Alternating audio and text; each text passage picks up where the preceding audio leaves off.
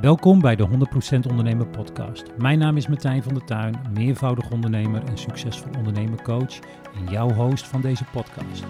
Ik geef je tips, tricks, stories, insights en fuck-ups om jouw bedrijf verder te brengen. Hey, Martijn van der Tuin hier, vandaag weer met een nieuwe podcast. Oké, deze time management en focus tip als je deze goed gebruikt, als je deze goed toepast, kan deze je hele leven veranderen. En ik zeg het wel vaker, het maakt me niet uit waar je in ondernemerschap zit, of je nou pre-starter bent, of je nou reeds gestarte ondernemer bent, of je nou in loondienst bent, whatever. Voor elke luisteraar van deze podcast en ook voor elke luisteraar van niet deze podcast.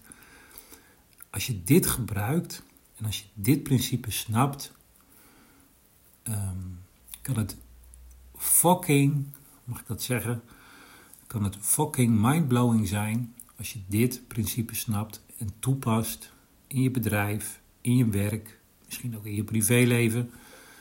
En kan het alles, maar dan ook alles veranderen. Sorry. Oké. Dit principe heet, ga ik straks verklappen. Ik zal eerst even iets schetsen. Um, stel, we doen gewoon een one-taker. Stel je hebt een probleem, of je hebt een uitdaging, of je hebt iets waar je mee zit, waarvan je niet precies weet hoe je het gaat oplossen. Op zijn Engels gezegd, how we gonna fix this. Stel je bent ondernemer, je wil ehm, meer exposure op TikTok. Ik heb zelf op dit moment geen TikTok, maar ik zou daar meer mee willen doen. Ik zou daar meer over willen doen. Is de vraag die 9 van de 10 mensen zich stellen, misschien wel 10 van de 10. Hoe gaan we dat doen? Hoe gaan we dat fixen? Hoe ga ik aan die kennis komen die er misschien voor gaat zorgen dat ik succesvol ga worden op TikTok? Dus dan steek je tijd in hoe je dat gaat doen. Dus how, op zijn Engels gezegd. En daar zijn we als ondernemer, maar ook als manager, ook als medewerker, gewoon als mens, zijn we daar heel vaak mee bezig. Hoe gaan wij dat doen? How we gonna do that? De mindfuck is dat je dat niet moet gaan denken. Hoe logisch dat dan ook is. Ik wil met je afspreken dat als je zo weer iets komt op jouw pad, dat je de how loslaat, maar dat je de HOW van het Engelse how anders neerzet. Dus dat je HOW anders neerzet, namelijk WHO. Wie, who in plaats van how. Wie in plaats van hoe gaat dit voor mij doen? Wie kan ik daarvoor gaan benaderen? Wie kan dit probleem voor mij oplossen? Wie kan mij helpen bij TikTok? Wie gaat dat voor mij doen? Betaald, onbetaald, wederdienst.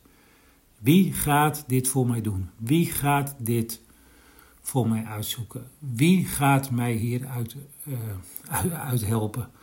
Wie gaat ervoor zorgen dat ik daarin de volgende stap kan zetten? Nogmaals, als mens zijn we zo geneigd om te gaan zitten op hoe gaan we dat oplossen? En de hoe moet je dus anders gebruiken, namelijk de drie woorden.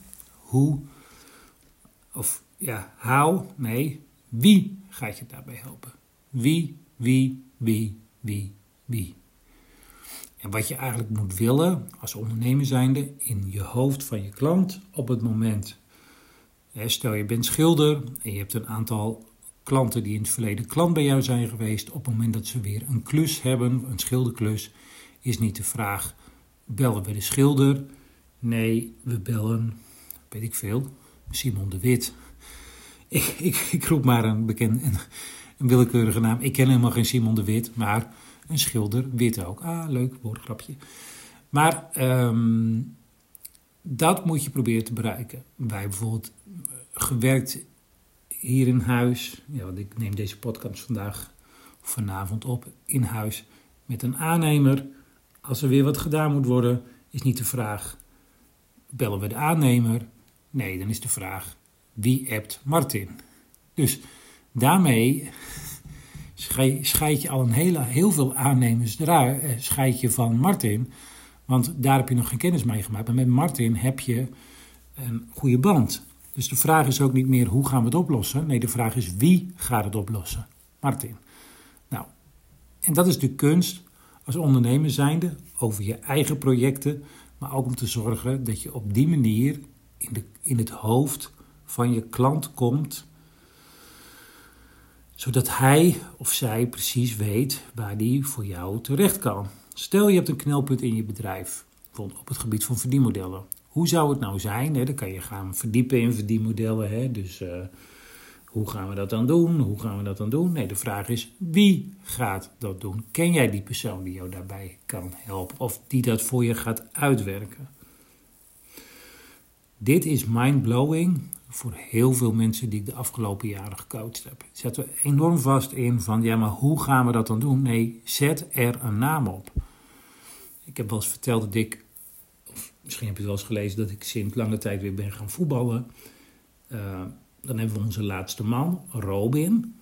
En Robin zet het van achteruit neer. En als er dan een hoge bal komt of een diepe bal, dan zet hij er een naam op. Ook wel eens de naam van zichzelf, ook wel eens de naam van de keeper, maar hij zet er een naam op. En misschien is dat wel de, de beste uh, vertaling van who versus how, of how versus who. Zet er een naam op. Oké, tot zover deze Zet er een naam op podcast. En ik wens je een mooie, fijne dag op. Take care. Ciao, ciao. En tot later. Doei, doei. Tot zover de 100% Ondernemer podcast. Ik hoop dat deze podcast je nieuwe inzichten heeft gegeven.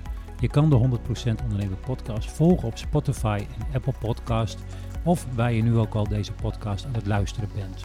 Wil je op de hoogte blijven? Volg mij dan op je favoriete podcast app. Online kun je me ook volgen op Instagram, Martijn van der Tuin of 100% Ondernemen.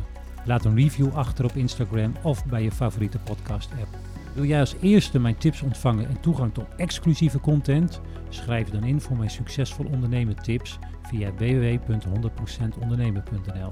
Dankjewel voor het luisteren en tot een volgende keer.